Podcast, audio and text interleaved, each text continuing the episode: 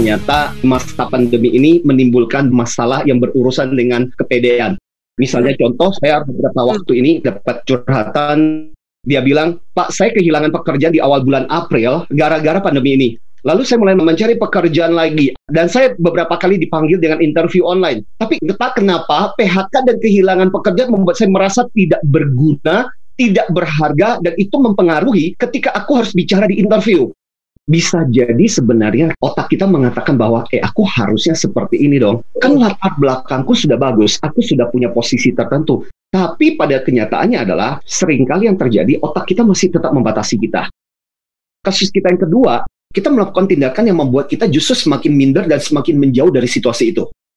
Ada cewek ditaksir sama satu cowok. Cowoknya itu lebih berpendidikan dan punya latar belakang kaya. Pernah beberapa kali si cowok itu membawa si cewek itu ke keluarganya. Makan malam lah, acara keluarga gitu. Tapi si cewek itu karena merasa minder cenderung jadi diem.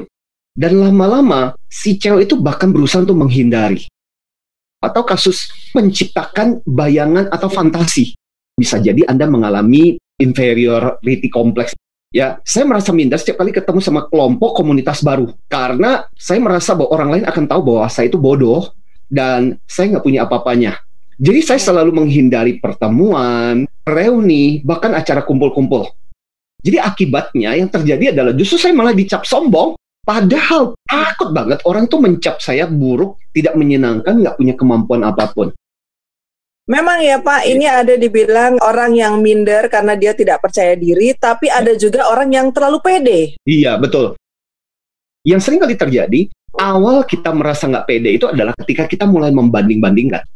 Nah, lebih parahnya lagi kemudian ini berkelanjutan terus-menerus dan dia ibaratnya mengentertain perasaan-perasaan seperti itu dalam kondisi psikologis ini istilah yang muncul adalah inferiority complex. Jadi kompleks sesuatu simptom, sesuatu gejala di mana orang merasa minder. Tapi bedanya antara orang yang mengalami minder dengan orang yang tidak menjadi sampai itu mengganggu adalah gini. Ibaratnya kalau bola itu bisa membal dengan cepat. Jadi orang-orang normal meskipun awalnya mungkin dia merasa nggak pede, tapi dia bisa recover dengan cepat dengan mengatakan oke okay deh mungkin dalam hal ini aku kurang tapi kan dalam hal sisi yang lain aku jauh lebih bagus daripada dia dan dia juga membutuhkan aku kok jadinya dia bisa dengan cepat mengatasi pikiran-pikiran yang menimbulkan rasa tidak pede itu ada lima hal yang membuat kita merasa minder satu ada yang minder karena penampilan dia kok lebih cantik dia kok lebih cakep kok dia lebih langsing gue langsung misalnya kemudian dari sisi kemampuan kok orang ini pinter banget, pinter ngomong, pinter di skillnya. Perbandingan yang ketiga adalah keuangan. Kenapa dia lebih kaya? Aku lebih kere, aku merasa lebih miskin. Keempat adalah pendidikan. Ada juga namanya minder kolektif. Saya nggak tahu apakah Melisa sahabat Sonora udah nonton film Bumi Manusia. Diangkat dari novelnya Pramudia Anantatur. Dan itu berbicara mengenai bagaimana pribumi zaman-zaman pada waktu ketika kolonial, kita menjadi second class setiap kali ketemu sama orang Belanda yang terjadi adalah rasa minder yang luar biasa. Kita nggak merasa seperti itu, tapi karena semua teman-teman bersikap seperti itu, akhirnya kemudian kita jadi ikut-ikutan merasa minder. Mari kita bahas dari sisi pola asuh. Cara kita membesarkan anak kita, cara kita mendidik mereka, ternyata punya pengaruh besar terhadap bagaimana anak kita bertumbuh. Very important buat teman-teman, terutama Anda yang sudah jadi orang tua, please tanpa sadar Anda bisa membesarkan anak yang kemudian kelak jadi nggak pede, jadi minder. Satu, kalau pola asuh Anda penuh dengan larangan, ya jangan, nggak boleh. Akhirnya apa? Anak sudah lepas dari Anda, akhirnya nggak yakin untuk melakukan sesuatu. Itu yang pertama. Dua, orang tua yang penuh dengan kritik dan cemooh. Jadi ketika anak melakukan sesuatu, udah langsung dikritik habis-habisan. Itu kemudian membuat anak nggak pede untuk melakukan apa pun.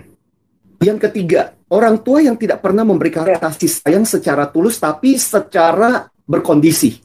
Misalnya contoh, kamu baru akan hebat di mata ayah, di mata bunda, kalau kamu bisa titik-titik, titik-titik. Maksudnya mungkin baik, supaya dia berkompetisi, supaya dia punya semangat untuk menjadi lebih baik. Tapi tanpa sadar kita menanamkan ke dalam pikiran anak kita untuk merasa bahwa kamu tidak akan berharga kalau kamu tidak memiliki itu. Dan itu bahaya. Atau orang tua yang negatif ke lingkungan sekitar, terutama juga orang tua-orang tua yang minder. Jadi tanpa sadar rasa minder itu kemudian ditanamkan. Yang terakhir adalah orang tua yang selalu membanding-bandingkan. Kamu lihat si ini, kenapa dia lebih pintar? Kamu lihat si ini, kenapa dia lebih kaya? Kamu lihat si ini dan sebagainya. So itu juga akhirnya membuat anak jadi belajar untuk membanding-bandingkan. Oke, okay, let's go for the tips. Aku memulai tips ini dengan sebuah cerita ah ada seorang yang meneliti soal rasa minder, yaitu namanya Maxwell Marx, seorang dokter ahli bedah kosmetik yang ganti profesi menjadi seorang motivator.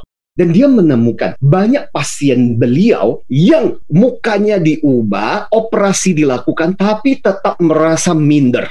Karena hmm. dia menemukan yang namanya minder itu bukan penampilan fisik, itu sesuatu yang ada di dalam kita dia cerita juga pengalaman dia meyakinkan seorang putra mahkota untuk mengambil alih usaha yang sudah dijalankan oleh bapaknya. Jadi bapaknya datang kepada si Maxwell bilang, dok tolong bantu anak saya itu putra mahkota satu-satunya, anak satu-satunya disuruh untuk melanjutkan bisnis. Saya kok nggak mau, saya bangun ini dengan susah payah dok. Ternyata si anak itu cerita bahwa dulu waktu ketika masih kecil, bapaknya itu punya satu permainan yang aneh permainan melempar 10 kali bola dengan anaknya itu. Lemparan pertama dilakukan dengan mudah, sehingga si anak bisa nangkap. Yang kedua, mudah. Tiga mudah, empat, lima, enam, tujuh, delapan, sembilan mudah. Tetapi yang terjadi adalah di lemparan yang ke sepuluh, si bapaknya itu akan melakukan segala cara sehingga bola yang ke sepuluh tidak pernah akan bisa ditangkap. Tahu apa yang dibilang sama bapaknya? Makanya kamu jangan sombong dulu. Ingat, masih banyak hal yang bisa dipelajari, masih banyak hal yang harus kamu pelajari di dalam kehidupan kamu. Ketika hmm. anak besar, anak itu merasa begini. Saya tidak pernah akan sempurna di mata ayah saya. Buat apa saya melanjutkan usaha bapak saya kalau terus menerus saya akan menjadi bayang-bayangnya ayah saya? Mendingan saya melakukan sesuatu tapi saya merasa puas. So, what we have to do? Pertama-tama adalah ingat rasa minder itu muncul dari diri kita yang harus kita latih adalah stop pikiran-pikiran negatif yang ada di kepala kita itu. Terutama pada saat ketika kita membuat kesalahan. Kita sering kali mengatakan, ih gila bego banget ya saya ya. Gitu aja kok nggak bisa. Stop yang seperti itu teman-teman. Setiap orang bisa membuat kesalahan. Ya udah senyum aja, go on. Yang kedua adalah stop mendiskon kemampuan kita. Atau terlalu melebihkan orang lain. Jadi pikirkan secara realistis.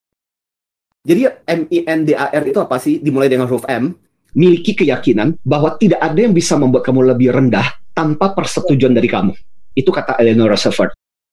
Yang kedua, I kan, ingat untuk melihat sisi-sisi positifmu.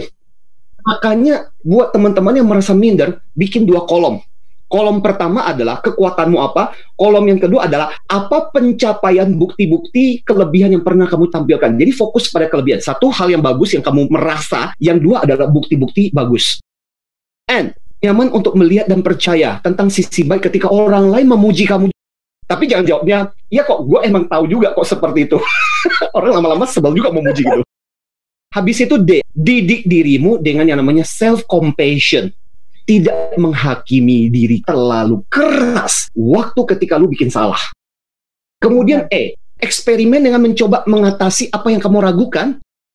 Dan terakhir adalah R, rasakan kenikmatan ketika kamu bisa membuktikan yang merendahkan kamu itu mereka itu salah, mereka itu keliru, bahwa ternyata kamu punya kemampuan yang tidak perlu kamu minderkan membuktikan kepada orang yang mencela kita bahwa kita bisa jauh lebih baik dari apa yang mereka katakan. That is the best best revenge. Yang saya mau cerita kepada teman-teman adalah justru buat orang yang normal melihat bahwa ini kesempatan buat kita untuk improve, untuk belajar, untuk dapatkan sesuatu, paling nggak koneksi dan sebagainya. Tapi orang-orang minder nggak berpikir seperti itu. Dia melihat dari sisi yang lain.